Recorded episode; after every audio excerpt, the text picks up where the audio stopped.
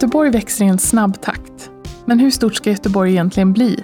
Hur kommer den framtida staden se ut? Och vad styr stadens utveckling?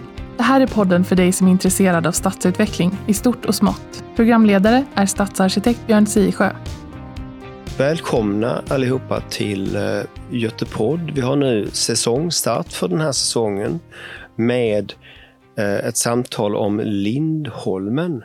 Och eh, med oss har vi här idag Lena Besa, programledare för Lindholmen på Älvstranden Utveckling. Välkommen Lena! Tack så mycket!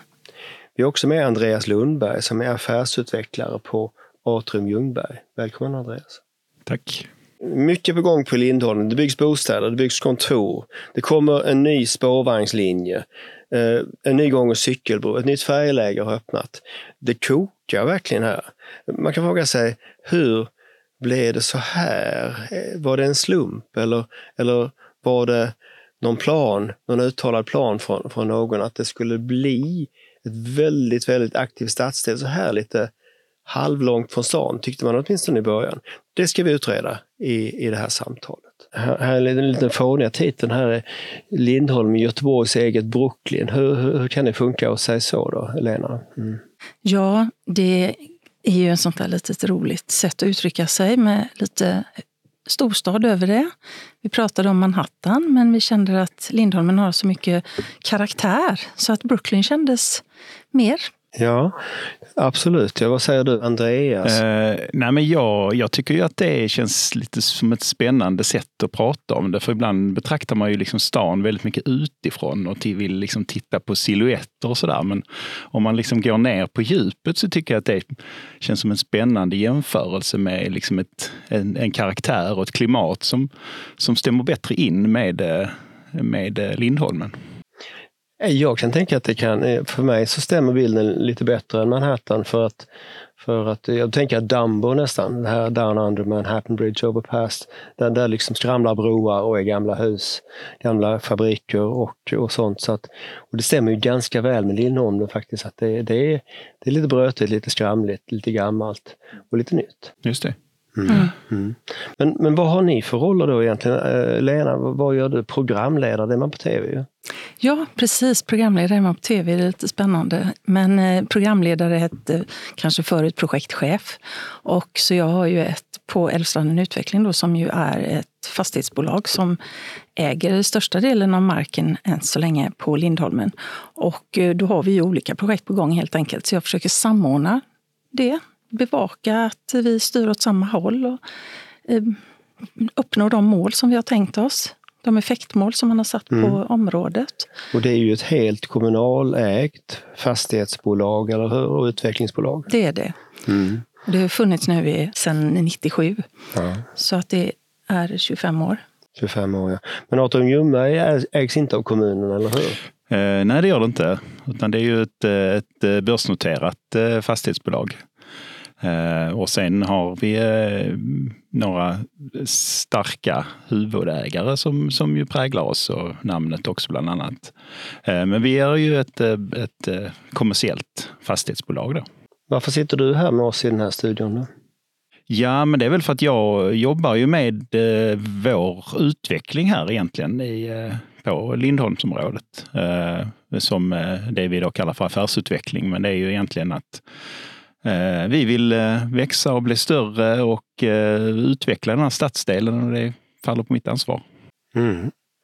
Alltså Lindholmen är ju ett namn som, det är ju, det är ju ingen Linda och det är ingen Holme, men det är väl ungefär som Ringön då, det är ingen ö det heller. Så att, så att, men i alla fall så, så började historien där eh, 1876 med Göteborgs Mekaniska Verkstad så, som bildades där och kommer att bli Götaverken. Så det har ju varit gammalt varvsområde huvudsakligen. Eh, och, och det, vad, vad, vad, innebär det egentligen, eh, Lena, just den här historien? Ja, alltså att det har varit ett varvsområde för ju med sig väldigt mycket nu när vi håller på och försöker stadsutveckla området i fråga om eh, att det är, lå ja, det är lågt, det är nära vattnet, det finns vattenstiger och det finns mycket tekniska bekymmer. Sen så är det ju väldigt, väldigt förorenat. Så all mark är i princip förorenat, vilket är väldigt kostsamt. Det blir dyrt. Dyra saneringar, det är verkligen en av de stora utmaningarna. Så det finns det är ett svårt område att arbeta med. Men också givetvis väldigt spännande och roligt. Och det ligger alldeles vid älven och i Göteborgs kärna då, som vi försöker få det... Alltså vi, vi jobbar ju för att innerstaden så att säga flyter över älven och är även på norra sidan av eh, älven. Så det, det, det är översvämningsrisk och det blir förorenat. Men det där tredje du sa, spännande att jobba med, det, det, det är ju härligt. Jag tycker, jag tycker också att det finns en sak som jag skulle vilja lägga till. Det, det finns fantastiska byggnader. Gamla tegelbyggnader som, som, som ju är en del av vårt kulturarv, vårt moderna kulturarv givetvis. Andreas, det här med gamla hus och sånt. Är det, är det trist och jobbigt som fastighetsutvecklare? Ah, jag skulle säga tvärtom faktiskt. Vi, för vår del i alla fall så har vi ju, tycker ju snarare det är en eh, det är nästan en, eh, ja men det är ibland kan man nästan säga att våga spänna bågen och säga att det är nästan en förutsättning ibland för att få den där riktigt, många av de här mest spännande stadsdelarna som utvecklas bygger ju oftast på någon slags historia. Eh, så att det är inom för Atrium är det en, en, snarare en tillgång än, än någonting som är jobbigt att, att, att hålla på med. Jag tänker som så här att för 20 år sedan när jag ritade saker, nej det var 25 år sedan, nu ska jag, eh, när jag ritade saker eh, åt Ericsson på Lindholmspiren, då var det ganska dött. Det var lite docklands i London, alltså det tvärdog i alla fall klockan fem på eftermiddagen. Sen hände ingenting. Hur, hur upplever du Lena att det är idag då? Jag funderar lite på historiken här. Vi pratade, drog igenom lite fort. Eh, men vi hade ju Götaverken och eh, det var ju enormt stora varv som låg eh, hela norra Älvstranden. Och, men sen hade vi ju helt enkelt varvsdöden då som kom på 70-talet när varven la ner. Och det var ju ett bekymmer förstås på olika sätt. Och att att varven la ner gjorde ju så att staten gick in och tog hand om många av de här gamla varven. Mm. Och till slut så stod man där och hade otroligt dålig ekonomi och många gamla varv. Redan på 80-talet när man hade då lagt ner de här varven så eh, ställde ju sig givetvis staden frågan vad gör vi nu? Vad gör vi med det här området? Och då är det ju viktigt att komma ihåg idag att det var ju ingen som direkt ville bo där för det var ju ganska, det var ruffigt och, och eh, slitet och förorenat och det var svårt att bygga. Och tomt på folk. Mm. Och väldigt tomt på folk då, mm. ja. Mm. Men jag tänker bara om, om du försöker dra liksom en, en linje från, från den tiden fram till nu. Från 97 till 2023.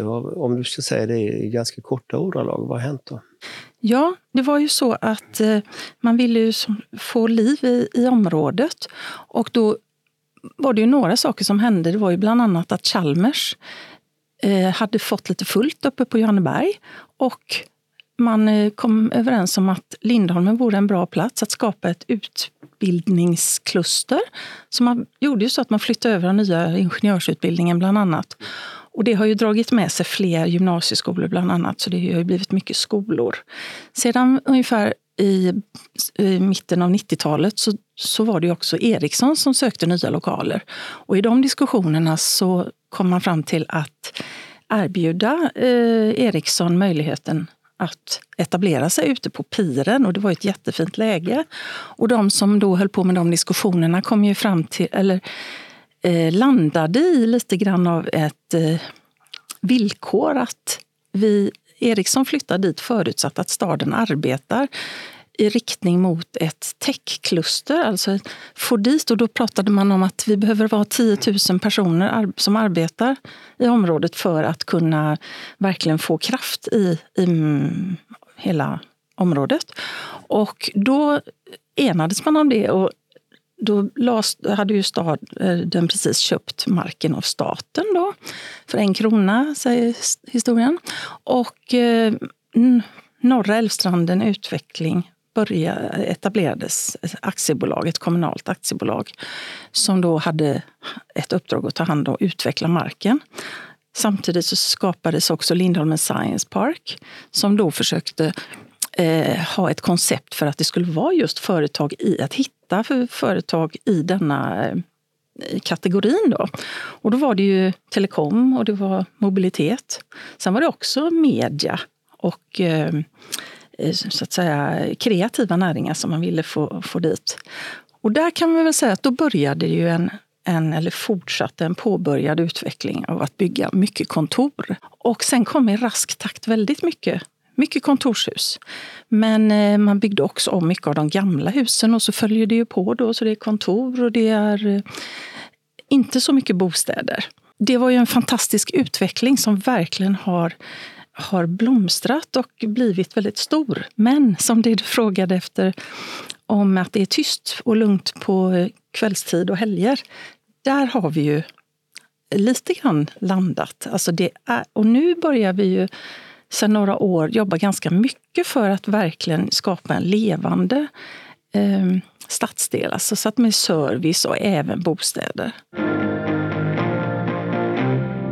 Eh, Andreas, när man pratar om levande stadsdelar, varför ska de vara det då? Kan det inte spela den rollen?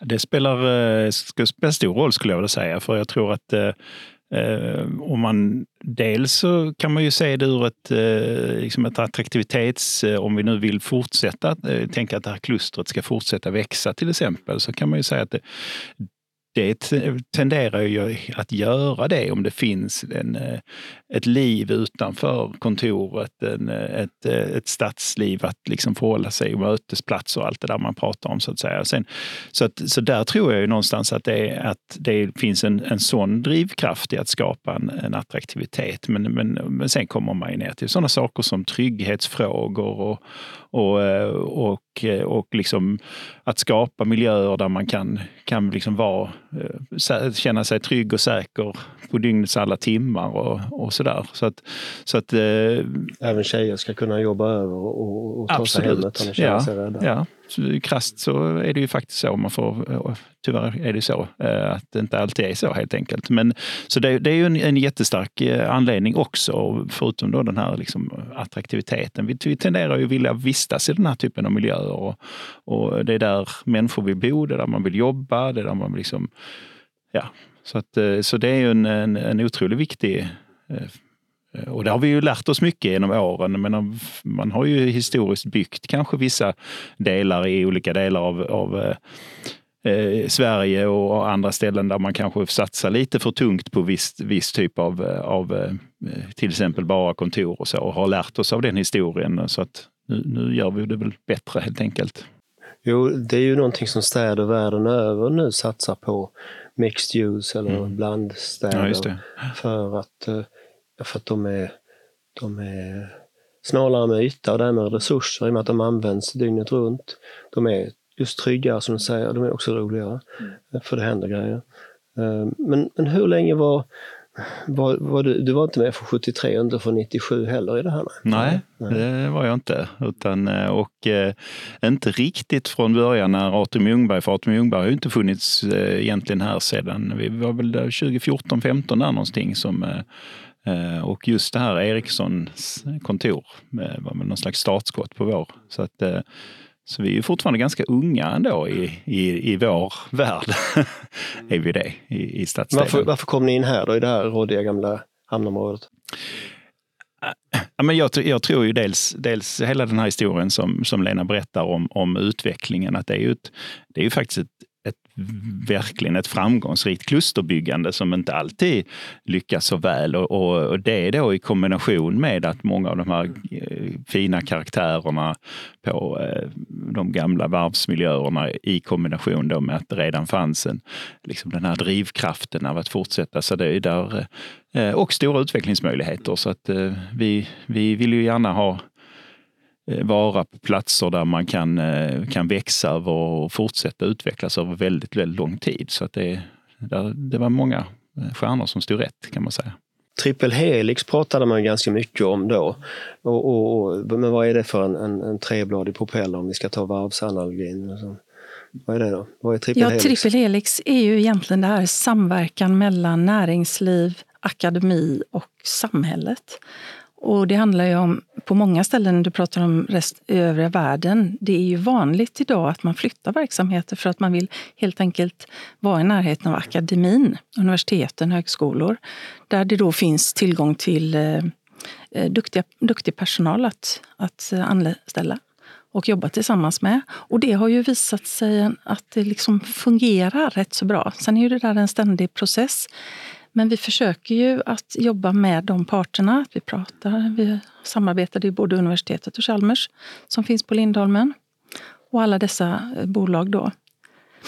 En, eh, en liten, något roligt jag hörde av någon som sa det att eh, som jobbar på en av bolagen här, som sa att han varit utomlands och då säger de det att de känner inte till Göteborg.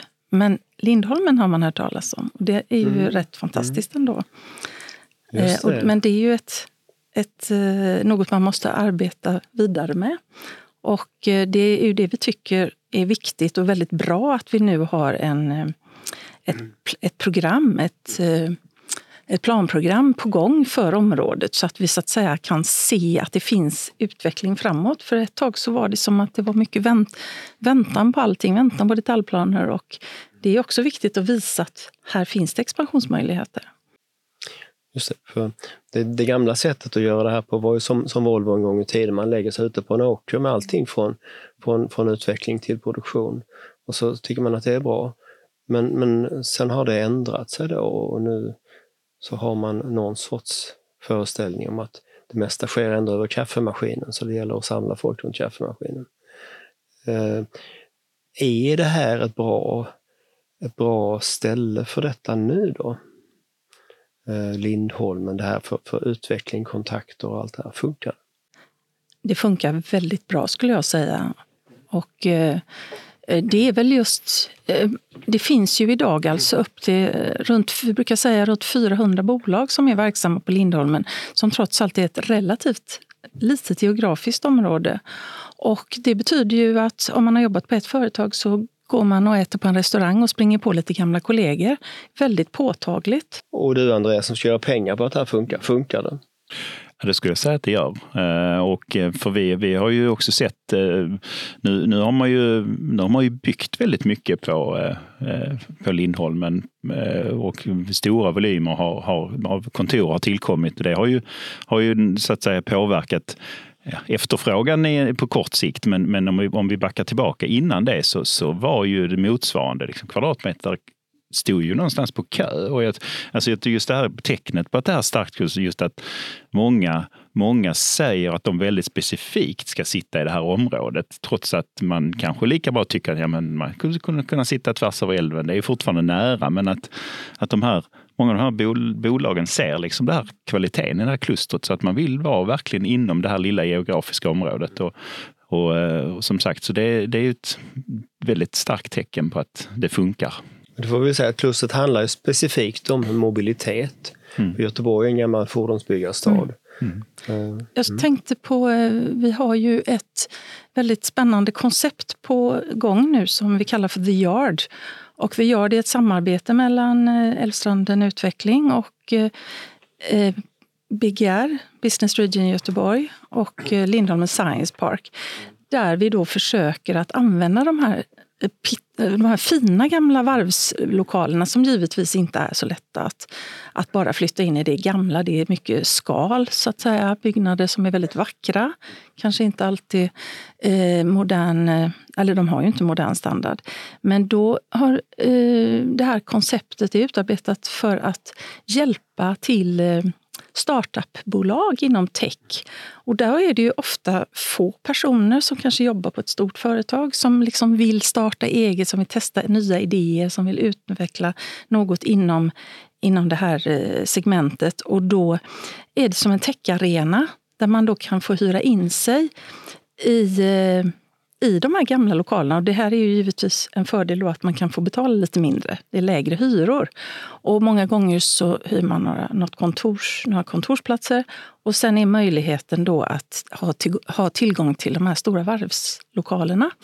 Där man kan köra in, in en, ja, självkörande bil eller vad man nu vill tänka sig testa.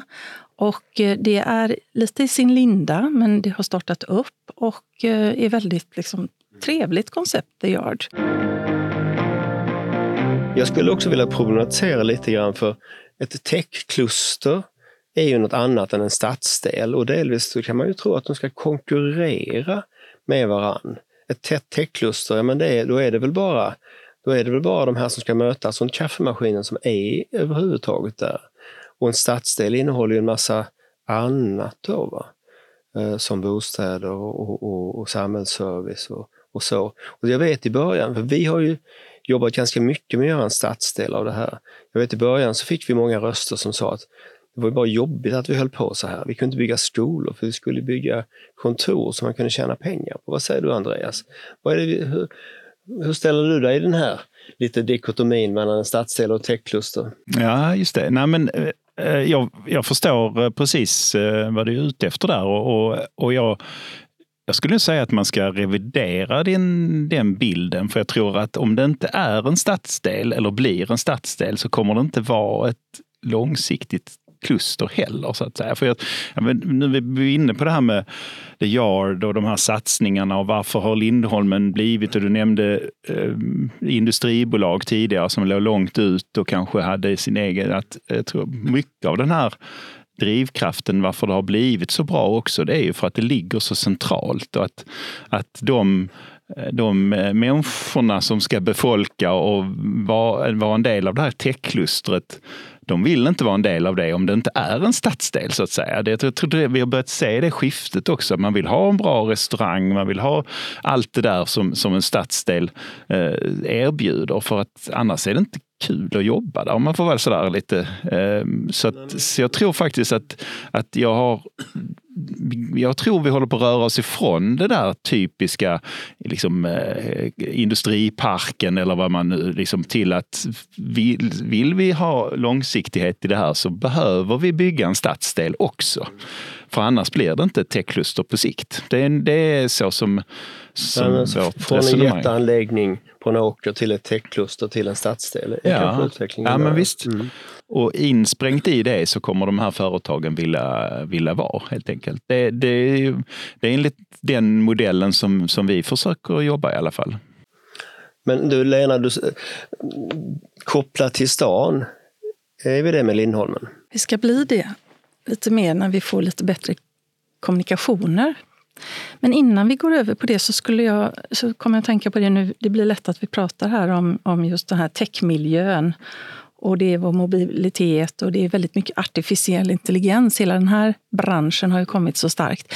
Men vad jag vill ändå påpeka är ju de här kreativa näringarna som jag tror ligger eh, som inte bara är nödvändiga utan som faktiskt också finns där idag. Vi har ju eh, Gothenburg Film Studios där man spelar in en massa filmer. Det finns eh, väldigt mycket replokaler, ett 50-tal replokaler. De ser man ju inte på utsidan, men de, de finns där. Det finns eh, modelljärnvägsmuseum. Det finns eh, ölbryggeri och kafferosteri. Det finns ju plats för de här så att säga, lite udda näringarna och de har ju väl antagligen kommit dit för att man helt enkelt har sett att där var det lite äldre lokaler som jag åter det här lite, så man kunde vara lite billigare och lägre hyra. Och de eh, trivs i den miljön. Så att där, ligger, där har det blivit väldigt... Det finns mycket. Det finns mycket olika. Och även idrottsverksamheter. Har ju, finns allt möjligt. Curling. Ruben Östlund gör sina filmer på, på, på filmstudiosarna. Där och så, ja.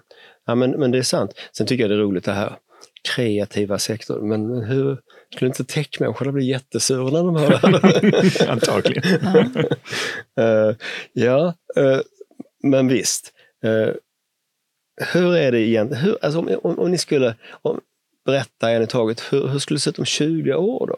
Hur ser det ut om 20 år här om, om saker går som de ska? Du kan börja Andreas. Mm. Ja, men alltså vi, jag tror ju vi har Eh, ja, men dels har vi ju naturligtvis byggt ganska mycket eh, mer bostäder och, och, eh, och, vi har ju en hel del fortsatt liksom kontorsutveckling framför oss. Och sen tycker jag det, det mest intressanta kanske är att se det här livet som har sprängts in i de äldre, eller fortsätter utvecklas i de här äldre byggnaderna. Men, men, men jag menar vi, vi vill ju framförallt uppnå det här, eh, eller komma, röra oss ifrån det som vi var inne på tidigare, att, att stadsdelen har en, en tidpunkt där den inte fortsätter leva. Så jag tror just det här att, att vara eh, att vara liksom fullt integrerad med sitt på något sätt fast fortfarande behålla sin egen eh, lite, eh, lite eh, e-, egensinniga karaktär. Det är väl, det är väl liksom drömmen på något sätt tycker jag, där vi, där vi behåller en, en, en Lindholmen eller Götaverken karaktär men är förbundna och in, integrerade med city och att vi ser liksom naturliga rörelser mm. i båda riktningarna på många, under många delar av dygnet så att säga. Det, för nu kanske det är mer en arbetspendling i mångt och mycket som sker över, men att vi, som, kan man få den där eh, lika många som rör sig på båda håll på något sätt, då har vi ju någon, liksom nått, nått fram så att säga. Så, så att, Eh, och det, det, kommer ju kräva, det kommer ju kräva bostäder men det kommer framförallt också kräva mycket mer med ja, men restauranger och kulturliv och, och allt det som, som är värt, uh, värt att flytta sig för. Och, ja, och sådär. Vårdcentral, dagis, skola. Exakt, ja men verkligen. verkligen. Och en livsmedelsaffär. En livsmedelsaffär. Det finns knappt. Mm. Mm. Men om du ska fylla på med det här 20 år, vad säger du då?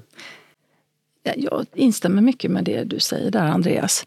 Det är väl så att man har ett, eh, vi pratar ibland om innovationskluster. Ungefär det som vi anser att vi har ute på Lindholmen idag. Och då eh, märks det ju nu att det liksom krävs man, man, vill jobba i en miljö. Det krävs lite bostäder, eller mer bostäder. Det krävs eh, aktiviteter hela dygnet. Det är väl hemligheten förstås. Mm. Att det ska Annars vara lite levande. Mm. Nej, nej, precis. Så kanske att det har varit lite för mycket eh, åka dit och arbeta och så åker därifrån. sen, har det ju bott, sen har vi ju förvisso Slottsberget då, som vi ändå räknar till Lindholmen som är ju helt ja, fantastiskt. Men det är inte tusentals som bor där? Nej, det, det, nej, det, Mm, nej, det är det inte. Men det är jättefint. Ja. Men det, vi mm. har ju ändå, vi får ju väl nämna det ändå, vi har ju som, vi har ju Karlastaden, Karlatornet som precis har börjat sin inflyttning i år. Det är ändå eh, planering för 2000 bostäder. Och vi är i slutfasen av ett stort bostadsprojekt som är Eh, Lindholmshamnen som ju nu då är ett tillskott på ungefär 650 bostäder som har flyttat in de flesta vid sista etappen. Och eh, vi håller, eller staden håller precis nu på och eh, har mm, genomför bryggdäck nere vid vattnet. Det tror jag kommer att bli ett jättetillskott för alla egentligen. Att man helt enkelt, det här med att närma sig vattnet.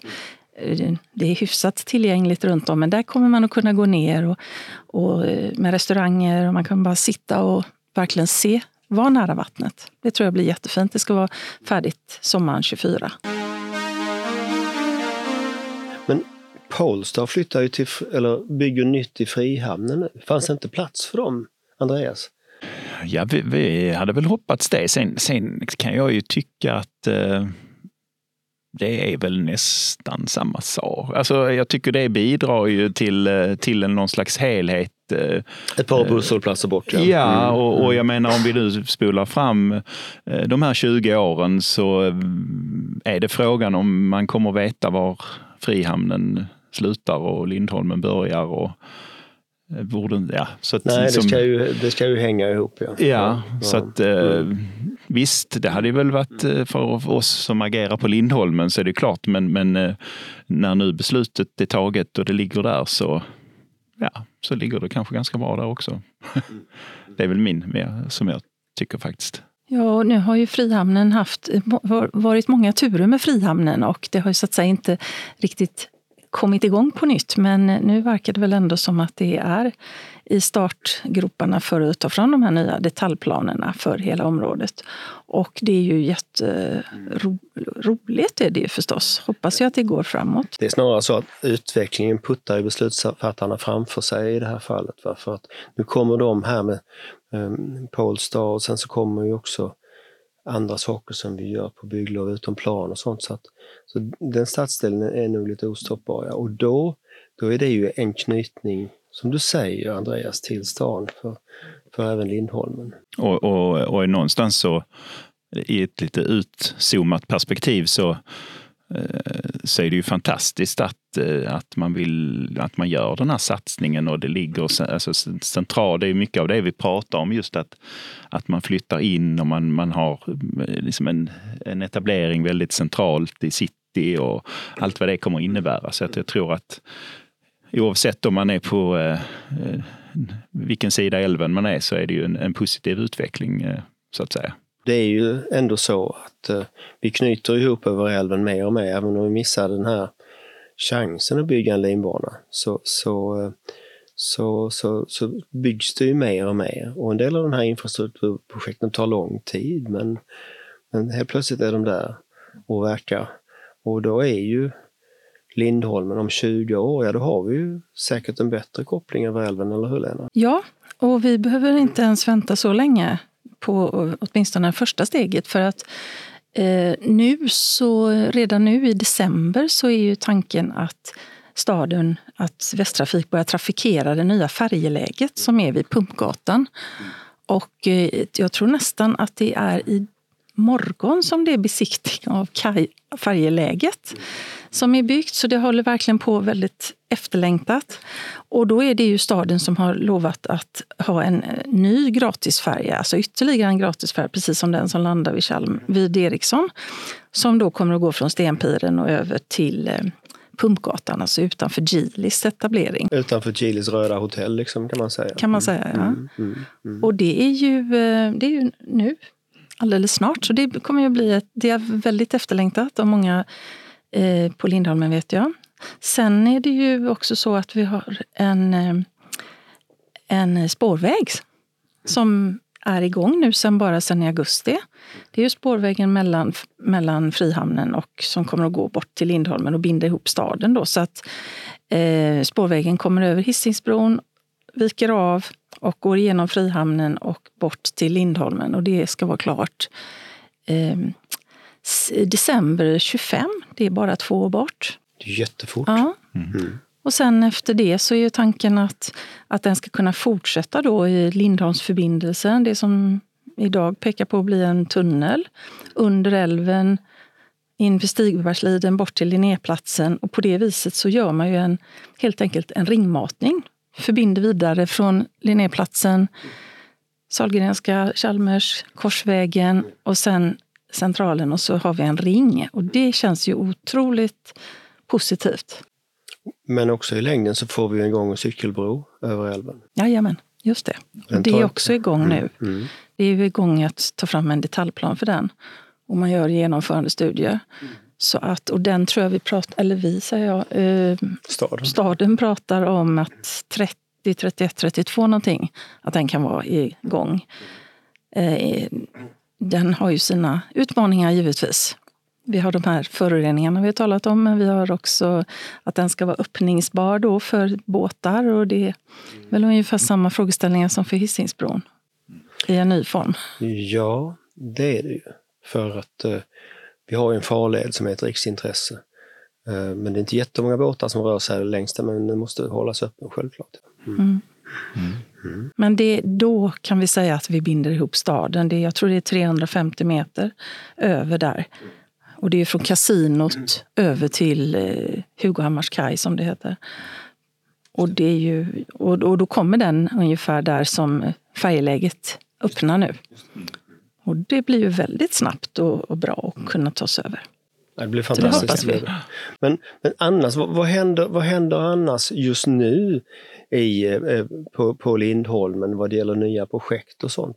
Ordet är fritt. Vi, vi deltar ju i en, en detaljplan som eh, pågår. Eh, Regnbågsgatan där vi arbetar tillsammans med Älvstranden Utveckling och driver en, en lite större detaljplan tillsammans som då kommer möjliggöra eh, fler bostäder, en, eh, möjliggöra en skola, en FT, FT6 är det va? och och eh, vi kommer ha tillskapa lite möjligheter att utveckla ett befintligt kontor med lite kanske en påbyggnad, tillbyggnad, eh, ombyggnad, frågetecken. Och faktiskt också vi var inne på det tidigare, avsaknaden av livsmedelshandel. Att eh, planen ska också möjliggöra livsmedelshandel i en, i en del av vår, eh, en byggnad som vi har. Så att eh, och sen ytterligare lite kontor och, man, och framförallt också då att eh, möjliggöra en fortsatt utveckling av den här M1 då som är en stor, eh, väldigt tongivande varvsbyggnad som som eh, ska få ett, lite nytt liv framåt här också. Så att massa, många, många smådelar som sker väldigt centralt i, i kring kring eh, den här M1 och maskinparken och, och så. Just det, just det. Så den, den Därför liv, livsmedelsbutik, de, de som finns i närheten ligger ju ofta ute i det stora trafiksystemet mm. och inte i stadsdelen. Det är liksom en sorts planering som vi väl har övergivit nu men mm. som, var, som var the cat's meow för 20-30 år sedan. Mm. Det finns ju någon eh, sån här liten butik nu där man eh, går in och så att säga läser sig in med ett kort och betalar när man går ut som inte har någon personal. Det har precis öppnat men det blir väldigt välkommet. Jag tänkte annars Andreas på det här eh, ja, ihop med affären med M1 då, så har ju även Astrid Ljungberg eh, tagit vi gjorde en 3D-fastighetsbildning vid eh, Götabergsgatan. Säger jag här mm vad ni ja. har gjort. Men ni har ju då eh, jobbat väl med att verkligen få dit få verksamheter till bottenvåningarna. Och det känns ju eh, positivt. Sen är det ju en utmaning nu när det är så mycket, det är fortfarande en byggarbetsplats runt omkring. Men det, är ju, det kommer ju bli det här bryggdäcket som jag pratar om. Det kommer ju så att säga, när Karlastaden blir inflyttad, då kommer man att gå ner det här stråket ner mot vattnet. Jag tror att det kommer att verkligen vara väldigt bra att det då finns en hel del små butiker, restauranger förstås som det blir och sådana lite olika verksamheter. Ja, visst. Och i det långa, långa röret så har vi ju upp till en 5000 bostäder i, i, i, på Lindholmen och det innebär ju sig att 10 000 människor som bor där. Och det kommer förändra området helt och hållet förstås. Vi har ju förutom då eh, Regnbågsgatan som den första detaljplanen heter där så har vi också pågående nu då en detaljplan för Lindholmsplatsen och det är ju den eh, nuvarande parkeringsplatsen framför navet, kuggen, alltså Lindholmen Science Park. Och det är ju ett av de projekt vi har jobbat med för att helt enkelt det ska, det här att vi kan visa näringslivet att det finns en, en expanderingsmöjligheter. Och då är det en kontorsetablering eh, med, försöker vi fylla då med intressant på bottenvåning. Att det här med mötesplatser som vi, vi pratar mycket om. Eh, så den detaljplanen är igång nu. Och bägge de här detaljplanerna ska ut på samråd i vår. Sen är det ju planarbetet då som, som eh, stadsbyggnadsförvaltningen ju driver nu. Och då eh, är det ganska mycket runt norra Blindholmen, det så kallade propellerområdet, där det är en hel del bostäder och verksamheter. Och eh, även eh, södra, alltså området nedanför skolområdet mot älven till, som ju kan bli väldigt fina områden. Men det är ju ett arbete som pågår och det ska ju också vara ut, ut nu i, eh, vid årsskiftet redan. Så att det händer mycket. Ska vi tala om vad vi gör så håller vi också på med program. Eh, ett pågående program som, som, som sträcker sig fram till 2043 som har samråd nu i december. Så det, är, det här, ett program det är ju en sorts, när man försöker sammanfatta hela stadsdelen och, och hur, vad vi har för övergripande plan för stadsdelen. Men där har ni också varit väldigt involverade ju, förstås. Ja, det, eller det har vi varit. Och vi har jobbat ganska länge, eller staden har jobbat länge med det programmet. Och vi har varit med i olika turer och inte minst eh, ekonomin har varit en het potatis. Men nu, eh, som du säger, nu ska det ut till årsskiftet och det ser vi verkligen fram emot. En fråga är ju det här med offentliga rum. Eh, tittar vi på våra nyckeltal så framförallt gröna offentliga rum har vi alldeles för lite på, på Lindholmen. Vad gör vi åt det då? Ja, programmet försöker verkligen fånga upp det där. Eh, vad som är, det är ju lite synd när man tittar tillbaka då den här utvecklingen med alla kontor. Så har det blivit frimärks planer. Alltså man har liksom mer gjort en plan för den lilla, för, det varje kontorshuset. Mm, varje mm, byggnad. Och då inte sett till kanske behovet av grönytor. Det är klart nu, nu är det mycket kontor, tyvärr inte så mycket mm, parker. Eh, Vi har ju parker vi har ju Kielers kaj till exempel, men det är på andra sidan Lundbyleden. Så visst, det är nära, men det är ändå inte helt lätt att ta sig dit. Kielers, eh, alltså Ram, Ramberget. Ramberget ja. mm. Eh, eh, Men där finns ju eh, i Lindholmshamnen, den här nya projektet då som är på väg att färdigställas. Där har det kommit en park nu, Maskinparken. Och det är ytterligare en mindre, ja egentligen mer som en lekplats som också har kommit till bakom hotellet. Sen eh, i Regnbågsgatan eh, projektet, där är det ju en skola, det kommer att bli skolgård. Det finns också, det handlar man behöver göra en park, inte minst ja, dels för att få en grönyta och samtidigt också för det här med att ta vara på eh, regn. Skyfallshantering är ju ett riktigt bekymmer. Precis som att vi har översvämning så har vi också vatten uppifrån som då måste tas om hand. Så, att Som inte, också kan bli översvämning. Om, Ja, om precis. Mm, mm. så därför behöver vi ju så grönytor av olika slag. Just det, för, Mm. för träd och växter tar hand Mm. om vattnet. Ja. Eh, Sen tror jag också att kajerna är ju hamnstadens offentliga rum. De måste vi vara rädda om. Och, och kanske strunta i att parkera bilar på och sånt. Va? Utan, Mm. utan använda verkligen. dem som, som rum för människor. Ja. Ja, men någonstans är det väl rekreationen man vill åt på något sätt. Och där tror jag också att man får väl Ja, men varvsområdet ger ju vissa specifika för det, har ju, det är ju en ganska hård miljö eh, så att säga. Och då får man väl se vad kan man göra utifrån den på ett innovativt sätt. Och vattnet kan ju också kanske ersätta en viss, eh, viss del av den här liksom rekreativa eh, eh, liksom förmågan eller vad man ska säga. Så att, så att, eh, men det kan väl vara en, eh, en spännande utmaning på något sätt. Och, Vi har ju Hitta- talat mycket om den här gröna världen, men inte så mycket om de blå värdena Mm. tyvärr.